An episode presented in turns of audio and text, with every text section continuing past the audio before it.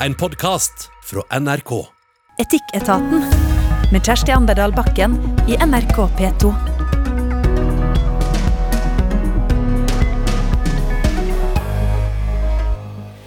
I forrige episode så møtte vi tre folk som går mer i allværsjakke og tursko enn de fleste av oss.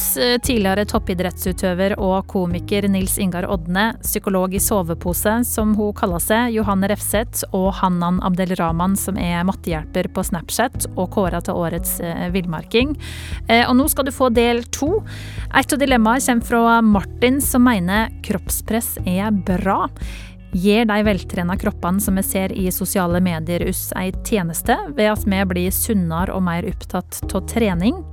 Det skal det spreke panelet vårt snart diskutere. Men først så skal vi bli mer kjent med deg ved å la deg trekke et spørsmål fra vår hellige gral. Oi, dette blir spennende, altså. Mm, skal vi se Når gråt du sist? Oi. Ja, det er et interessant uh, spørsmål, for jeg gråter ikke så ofte. Uh, og det sier jeg ikke for å tøffe meg, men det er sånn det er. Uh, jeg Er det liksom Ok, hva er gråt? Hvor, hvor Det har jeg lurt litt på. Hva definerer man som gråt? Er det liksom Må det da Er det nok at det grøter seg i halsen, eller skal det renne fra øya, liksom? For renne fra øya, det er lenge siden. Det vil du ha den psykologfaglige vurderinga? Gjerne. Grøting i hals er med Jeg vil fokusere på følelsen sorg inni. Veldig mange menn de gråter ikke nødvendigvis med tårer alltid, er min erfaring. Ja. Ikke Ja. veldig mange, men en del. Men du kan se det på dem at de har mye sorg. Ja. Så jeg vil si grøting i hals. Ja, ikke sant? Ja. Det er det, ja. Nei, da, da, da er nok siste gangen noen øyeblikk når jeg mista samboeren min, da, hvor det selvfølgelig var en del gråting i perioden etterpå. Det må man jo være så ærlig å si at det, det skjedde. Og det skjedde ikke i de aller mest pressa stundene. Noen ganger følte jeg at folk rundt meg for, ø, nesten forventa at hvorfor gråter ikke han nå? Men det skjedde kanskje mer når man er helt ensom da, i en sånn type sorgprosess. Da, da hendte jeg gråt litt, og, og det føltes egentlig bare ganske godt. Hvor var det som, som kunne få fram det liksom på, når du var aleine, da? Nei, det var det, i disse stundene hvor liksom hvor, hvor hun så til de grader skulle vært til stede. Hvor ensomheten blir sånn helt sånn pressende på, ikke sant. Eh, ting vi hadde sammen og liksom Ting vi hadde planlagt sammen, og så gjorde jeg dette aleine. Det, det Da kom det Ja, da, da ble det litt gråting. ja. Hannan, når gråt du sist? Nå sitter du og tenker og tenker her. I går. I går. I går! Og det var rett og slett eh, fordi jeg driver og skriver eh, en kronikk eh, for tida da, om pride på skolen og alt det der, da. Og så spurte jeg en lærer jeg kjenner som heter Gunhild, jeg hilser på deg, Gunhild, om hun er lesbisk, og må fortelle hvorfor hun selv som lesbisk syns at det er viktig med pride på skolen, da, og at vi markerer og feirer det, da. Og da skrev hun det svaret som på en måte gjorde meg litt sånn skikkelig rørt, da, om på en måte hvor vanskelig for henne det var å komme av skapet og alt det der, og det er litt sånn Jeg ble skikkelig rørt, rett og slett, og stolt, og at hun i det hele tatt nevnte meg og postet dette her offentlig for første gang, da, for min egen del, på hennes eh, vegg i går. Så dette her var virkelig stort. Og, og jeg følte på det ansvaret da, som lærer for barn og unge. Eh, hva er det jeg må gjøre? Hva, hva slags ansvar jeg må ta, liksom. Og at eh, tenk at jeg har mange barn og ungdom som kanskje sitter med sånne følelser og sånne ting inni seg, da. Og hva jeg må gjøre. Og, så tusen takk, eh, Gunhild. Og jeg er kjempestolt av deg. og til alle dere der ute da, som kjemper den kampen. Jeg er kjempestolt av dere, og jeg heier på dere. Så ja, det, der gråter jeg virkelig. For andre mennesker, liksom. Johanne. Ja, vet du hva. Jeg skulle til å si faktisk i går, fordi jeg har um, Men så kom jeg på at jeg, jeg er så ekstremt lettrørt. Altså jeg, jeg er veldig så motsatt av deg, da. Jeg, har jo, så jeg, jobber jeg som psykolog, da, så jeg blir jo fort rørt av det folk sier også. Så jeg, det, hvis vi, liksom, jeg sitter jo ikke der og strigråter, liksom, men litt sånn tårer i øynene, det har jeg ofte i løpet av en arbeidsdag, da. Men um, altså, jeg husker jeg ble, jeg ble rørt, for jeg så, gikk forbi en sånn skoleklasse med så mange søte små barn. Jeg Veit. Men det er Jeg var sånn, Å, det er framtida. Mm. Men jeg tror eh, men jeg, Egentlig så har jeg grått litt eh, faktisk i går, fordi at jeg, jeg sliter som å sove om dagen. Jeg får fader ikke sove. Og jeg har hatt det sånn i sånn fire uker eller noe sånt. Og jeg blir så utrolig ah, sliten av det. Uff, det derre Det er bare å gå og legge meg og sove. Ikke legge meg og ikke sove. Ligge der og glo, det er jo kjempekjedelig. Men det er jo sånn som hvis, hvis vi hadde hatt det problemet, så hadde jo vi kommet til det. Ja. Eh, prøver du liksom å gi det sjøl teknikker for å, Ja, ja, for å få til å sove? Ja, jeg har jo Nå så jeg vurderer å kjøre sånn derre søvndeprivasjonsteknikk på meg sjøl. jeg er usikker om jeg orker. Hvor vil det se? Nei, det er, det er kollegaen min som er best på det her, da, men det er at du på en måte rest, Altså du eh, først skal gå og legge deg eh, sånn at du har fem, jeg mener det er fem og en halv eller seks timer søvn til du skal stå opp. Du skal aldri ligge i senga mer enn en halvtime. Hvis du ikke sovner på en halvtime, skal du opp igjen og gjøre noe kjedelig før du går og legger deg igjen. Så du ikke blir liggende i senga over lang tid. Og så skal du alltid stå på samme tidspunkt. Så det går ut på at måte, du blir så søvndeprivert etter hvert da, at du, sant? du sovner når du legger deg, da, sånn at du får en annen assosiasjon til senga. Det skal ha en veldig god effekt. da. For jeg merker jo nå at jeg har litt sånn dårlig assosiasjon med senga mi. Går og legger meg, så Ja, forventer sant. jeg ikke å sovne. Det er ikke bra. Og så er jeg så surt, fordi jeg har sovet så godt. Jeg Ja. har sovet så innmari godt. Helt til nå. Men, men kanskje du burde hatt eh, litt fri fra sosiale medier? Nå, nå prøver jeg å eh, bli wannabe-psykolog her.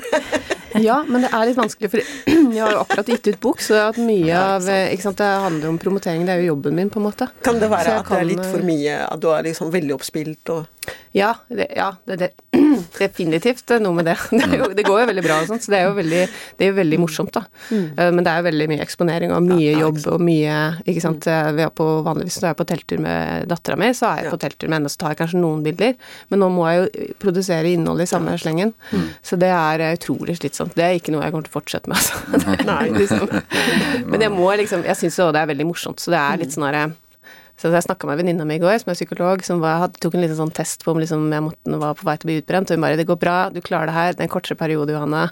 Eh, si fra hvis du liksom slutter å, føle glede i livet, så kan vi prates igjen. Det er litt godt å høre at psykologen trenger psykolog også, på en Ja, måte. At ikke du er liksom helt utlært Det beste med å være psykolog, det er at du har en million psykologvenner du kan prate med.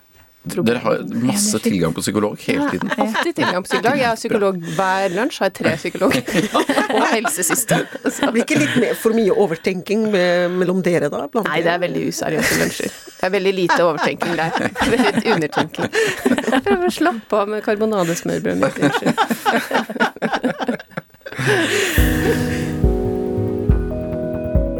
Nå skal det handle om kroppspress, og panelet her i dag er Nilsi, komikeren som eh, pressa kroppen hardt da du testa toppidrettslivet, og kanskje litt fortsatt også. Eh, Hanan, ungdomsskolelæreren og friluftsinspiratoren. Det siste gjelder også for det, Johanne. Du er også psykolog, kall det psykolog med sovepose. Og her er dilemmaet. På P3 på p3.no så skriver Martin på 22 år kroppspress er bra. Han eh, heier på at flere og flere gutter vil se veltrent ut. Han er skeptisk til at vi normaliserer det usunne, som en gjør ved f.eks. å vise overvektige kropper i en undertøysreklame. Det er bedre å se noen som tar vare på kroppen sin. Skaper det kroppspress, så er det kanskje ikke så ille, skriver han. Vi bør hylle de som tar vare på kroppen sin, noe som stadig flere sliter med fedme. Dette skriver også Martin som et svar på et innlegg fra Selma på 17 år. Hun mener at unge gutter har altfor masse fokus på mat og trening. Det er jo ikke akseptert at jenter sitter i klasserommet og prater om at de vil bli tynne. Da bør det samme gjelde for gutter, skriver hun. Vi spør da, er det greit at unge gutter prater om dietter og trening og viser fram musklene sine på sosiale medier, eller skaper det her et usunt kroppspress? Hannan, du som kjenner denne gjengen fra, fra klasserommet, er det Ja. din oppfatning at det er masse fokus på dietter og trening? Ja. Og jeg lever med to gutter på 17 og 20, og rundt middagsbordet. Vi snakker ikke om noe annet. Bulking og shredding og buffing og alt mulig rart. Så jeg lever inni det, og Men, men jeg, jeg, må si at eh, ja, eh, når det gjelder mine gutter, da, så jeg ser mange positive sider med det. da. Det gjør bl.a. at de er disiplinert, de spiser sunt, de våkner tidlig for å trene, de holder seg unna alkohol og festing. Og, så det er mange positive aspekter ved det, da, tenker jeg, så lenge du ikke blir helt uh, sånn besatt av det, da. Ja, for når kommer bekymringene inn? Ja, fordi jeg er ikke bekymret til nå. fordi jeg ser at guttene mine håndterer det på en sunn måte, men den dagen jeg føler at deres liv handler om bare det, da. Om de bare dropper all sosial, de går ikke ut med vennene sine og ikke spiser noe de har, har lyst på lenger. og på en måte det blir bare deres oppgave i livet å bygge opp muskler og bli store og sånn, da, da, begynner jeg å bekymre meg. Mm. Ja, For da er vi kanskje inne i Det er noe som heter megareksi, eh, Johanne? Ja, altså det er jo ikke en eh, formell diagnose i diagnosesystemet, så vidt jeg skjønner, men, eh, men det er iallfall et uh, fenomen, da. Og det, er jo, det, det, du prater om der, er jo på en måte mm. på det tidspunktet at det blir eh, en diagnostiserbar spiseforstyrrelse. For en, sånn, en viktig eh, ting når vi prater om diagnoser, det mm. er jo går det utover sosialt liv? Går det utover evnen din til å gå, gå på skole og jobb?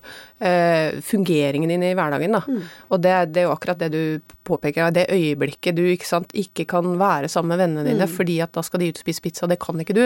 Nei, da. Eh, da. begynner det å bli et problem. da går alarmen, liksom. Mm. mm. Den dagen du tenker så mye på det at du, når du er sammen med andre, mm. ikke føler deg så vel, da, fordi du tenker nå er jeg litt for tjukk eller litt for liten, mm. eller um, da, eh, da, begynner vi å liksom gå over et sted hvor vi helst ikke vil være. Da. Og så er det jo det er veldig mange flere som har et spiseproblem eh, enn som har en, en diagnostiserbar spiseforstyrrelse. Så det er jo klart at det er altså vil si, som har problemer med dette her, det skaper problemer i livet, men det er ikke så stort at det på en måte går utover ting. Men det kan, det kan fortsatt være litt som å kjøre med ikke sant, eh, brekket sånn halvveis oppe. Ikke at jeg har gjort det noen gang, men, eh, men liksom Det er ikke anbefalt. Det er ikke anbefalt. Nei. Det lukter veldig svidd etter det. men i det her eh, toppidrettslivet som du har testa, Nilsi. Um, det er jo en ganske hårfin grense, da, for det er utrolig masse fokus på trening og kosthold i en sånn uh, bransje og gjeng også. Ja, det, det er det også i den verden jeg har gått inn i, så er det jo ekstremt uh, fokus på prestasjon, ikke sant. Mm. Uh, men uh, poenget hans, og jeg har også lyst til å faktisk, bare for å ha sagt det, gi han litt grann kred eller kudos, eller hva det heter, for å skrive dette innlegget her, fordi at det er jo litt sånn politisk ukorrekt. Ja. så jeg syns det er tøft av han å gjøre det, for det er lett at han bare blir sabla ned som liksom Nå skal du, i hvert fall i dagens samfunn, hvor det er mange som blir can cancelled og diverse. Uh, av, uh, så, så, det er bra at han gjør det. Fordi, fordi poenget med at uh, trening er sunt, er veldig viktig, ikke sant. Det, det, må ikke bli sånn at vi, at vi på en måte fremmer det å, det å ha sin kropp så mye at man glemmer at trening er sunt. Men det er jo ikke nødvendigvis hvordan kropp kroppen ser ut, mm. som er beviset på hvor sunn du er. Ja. Altså, Det har egentlig ikke så mye å si. Det er ikke, det er ikke, det er ikke, det er ikke kroppen som er sluttproduktet her. Altså, det, viktigste er uh, hvor mye at du er aktiv. Uh, det, kan jo du si mye om. Det gir også mye psykisk helse. Mm. Bruke kroppen, er ute. Uh, og um, jeg, jeg, har også trua på litt forskjellig type trening. Jeg, jeg tror ikke nødvendigvis det er så bra å være fem-seks dager i uka på et treningssenter, fordi det gir jo, kan umulig gi så mye uh, stimuli uh, til hodet ditt og bare stå og løfte vekter opp og ned. Uh, så jeg tror det lønner seg å være litt sånn. Mm. Ja. Men jeg syns at det du sier er veldig godt poeng der, fordi Harald Eia skrevet om dette her. Og han, jeg husker jeg fikk innmari masse pepper, for han skrev at disse her mm. Instagram-bildene og sånn, det skal behandles som idealer. Vi skal være vi ikke sant, med våre helt vanlige kropper kan se er, brukes som et sånt forbilde. ikke sant, at er, Der skulle jeg vært sånn de greske statuene. ikke sant, Du tenker jo ikke at nå, oi, nå skal jeg se sånn ut, men, men, at du kan tenke at det kan være idealet jeg kan streve mot. Men, mm. men det betyr Det er også noe helt annet. Jeg tror også jeg tror det er litt hans poeng i, der, at du kan på en måte ha det som et forbilde, at det er ikke noe galt med det. Det som blir problemet, er jo det øyeblikket at det ikke er et ideal, men at det blir Besettelse. Nei, ja, eller at det blir normen. Ja, ikke sant. Ikke sant? Ja, det blir malen, liksom. Er det malen? Det er sånn du skal se ut. Fordi at for aller, aller flest så er det veldig veldig vanskelig å se ut som de her eh, Instagram-guttene eller de her greske statuene, da. At du, og, og da blir det ikke sant? Det, det, er ikke sånn at hvis du gjør A, B og C, så ender du der. Du kan ha en genetisk makeup som gjør at du ikke Du, kan, du er ikke der, liksom. Du kan bli maratonløper, du kan løfte innmari tungt, men du blir aldri, får ikke det utseendet der. Eh, og det er jo det er jo der problemet blir liggende, da. Mm. Eh, og jeg syns også det er fint at han skriver der, for han har noen viktige poenger. Eh, men det er også f.eks. en faktuell feil der, tenker jeg, da. Eh, dette måtte jeg snakke gjennom med mannen min i går, for han forsker på ja, livsstilssykdommer, da. Mm. Kreft og, og livsstil. Og, og, i forhold til overvekt, da, på hvilket tidspunkt det blir usunt Jeg tror Altså, jeg har aldri sett en modell i en undertøysreklame som har en usunn overvekt. Nei, nei, nei. Det, og det tror jeg ikke altså det, det, blir jo veldig sånn Nå har ikke jeg gått gjennom mm. all, all undertøysreklamen mm. eh, i Norge, men, men, det er jo mer vanlige kropper. Det, det er mer sånn at de så, så, sånn sett så tar han noe feil. Jeg synes mm. det, er noe, altså, det er jo en, en, kropp som er sunn og frisk, ja. og som ikke har eh, hvor, Som det ikke er noe galt med. Du kommer ikke til å få noen livsstilssykdommer ved å ha den kroppen der. Men han sikter vel også til den der body positivity-bevegelsen som mm. avbilder folk i sosiale medier som er overvektige.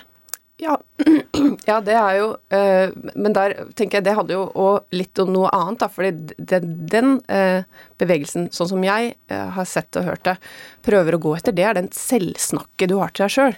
Du kan mm. forholde deg Jeg tror ikke det er så mange av de som tenker sånn åh, nå skal jeg spise masse burger så jeg skal se ut sånn her. Nå må jeg passe på å holde den kroppen der. Jeg tror de fleste prøver å ha en, en sunn og god livsstil, men at det handler om hva, hva sier jeg til meg sjøl om min egen kropp, og, mm. og, at det nesten er sånn kulturell greie med at ja, hvis du ser sånn ut, så har du ikke lov til å være fornøyd med kroppen din. Mm. Og det er jo noe helt annet, altså de prater om, tenker jeg. tenker at det, jeg tror ikke det er det mer sånn altså det, det, tror jeg absolutt ikke er med på å gjøre det. Altså at folk liksom strever etter det. Jeg tror er mer at når, når, du, når du er der, at du da kanskje har et godt får en bedre psykisk helse fordi du forholder deg til kroppen din som, som fin, da. Ikke sant? Sånn, sånn den er. Og så, og så ja. Mm. Men tror du at det er noe positivt ved å se liksom godt trena folk eh, på sosiale medier?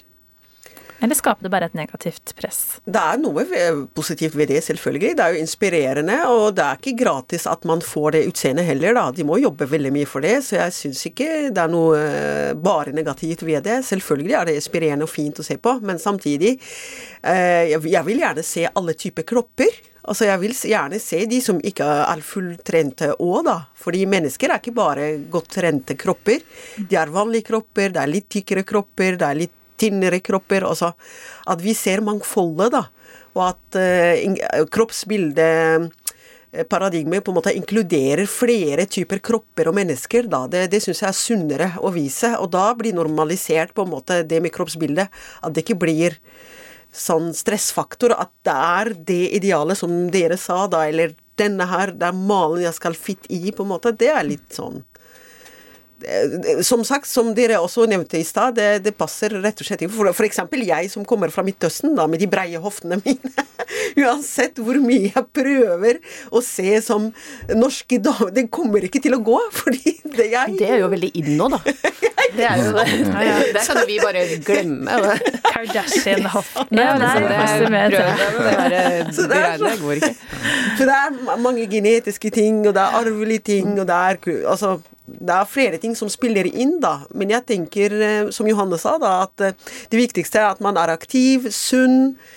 Og som du også, Nils, sa, at man beveger seg, har variert trening, variert kost, ikke sant. Passer på seg sjøl, ikke sant. Så ja. Det er jo veldig bra å bli øh, Altså øh, å bli inspirert ja. er, må jo være noe av det beste vi kan bruke Instagram til. Ja. Uh, så hvis folk blir inspirert av det, så er jo det veldig bra. Men jeg tror det er ekstremt viktig da, som blir sagt, at det ikke, må ikke bli malen. ikke sant? At man, og at, man liksom, at, det, at det tipper over. Og um, for egen del så kan jeg jo si at jeg blir ikke inspirert av eh, når noen har bra kropp. Jeg blir inspirert av når de gjør eh, ting eh, som jeg syns er kult å gjøre. Eller altså de har prestasjoner, eh, kanskje vanskelige ting som jeg kan strekke meg etter. og jeg skulle gjerne klart å gå til den toppen der. Jeg skulle gjerne likt å gå like fort som han gjør på rulleski. Han går bra, han løper bra. Oi, det var en fin tur. Altså, så øh, inspirasjon kan jo komme i veldig mange andre former enn kroppslig fasong. Men jeg synes et poeng som er litt viktig her, er at han, de som skriver her, er jo mye yngre enn oss. Altså, Ja, de,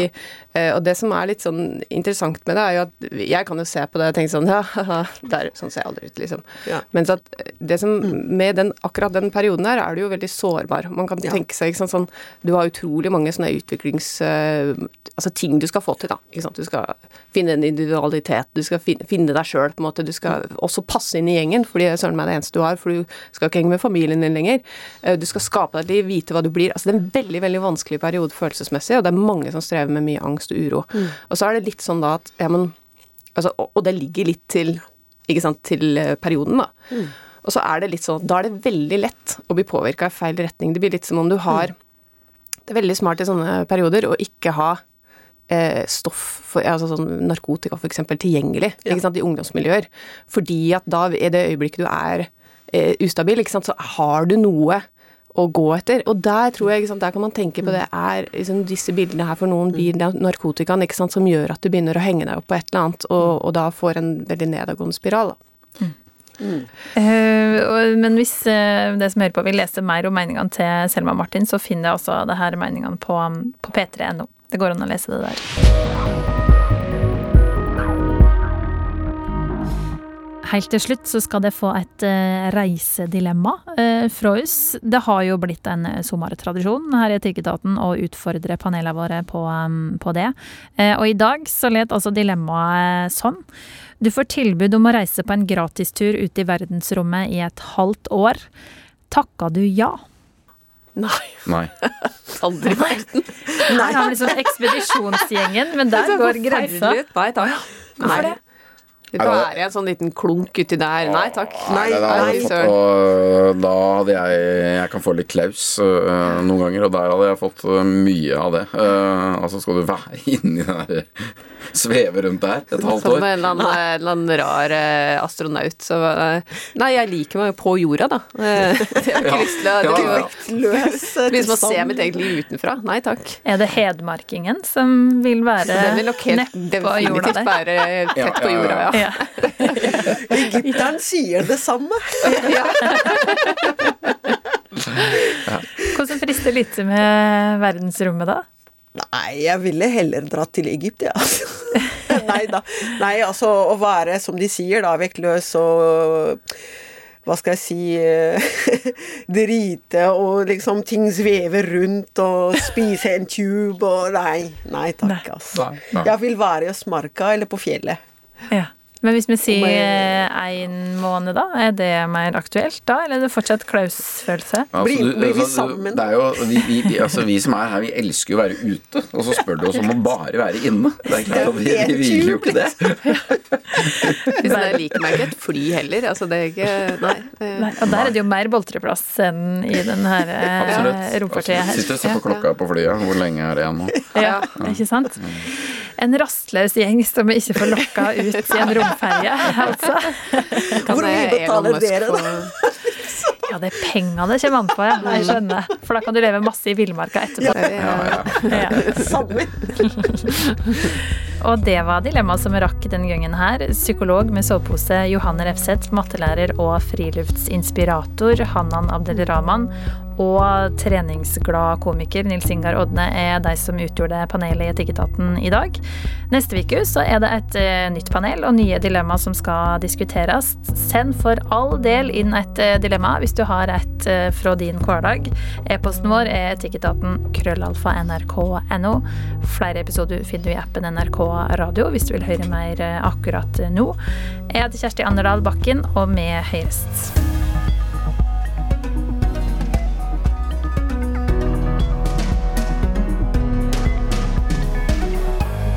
Du har hørt en podkast fra NRK. Hør flere podkaster og din favorittkanal i appen NRK Radio.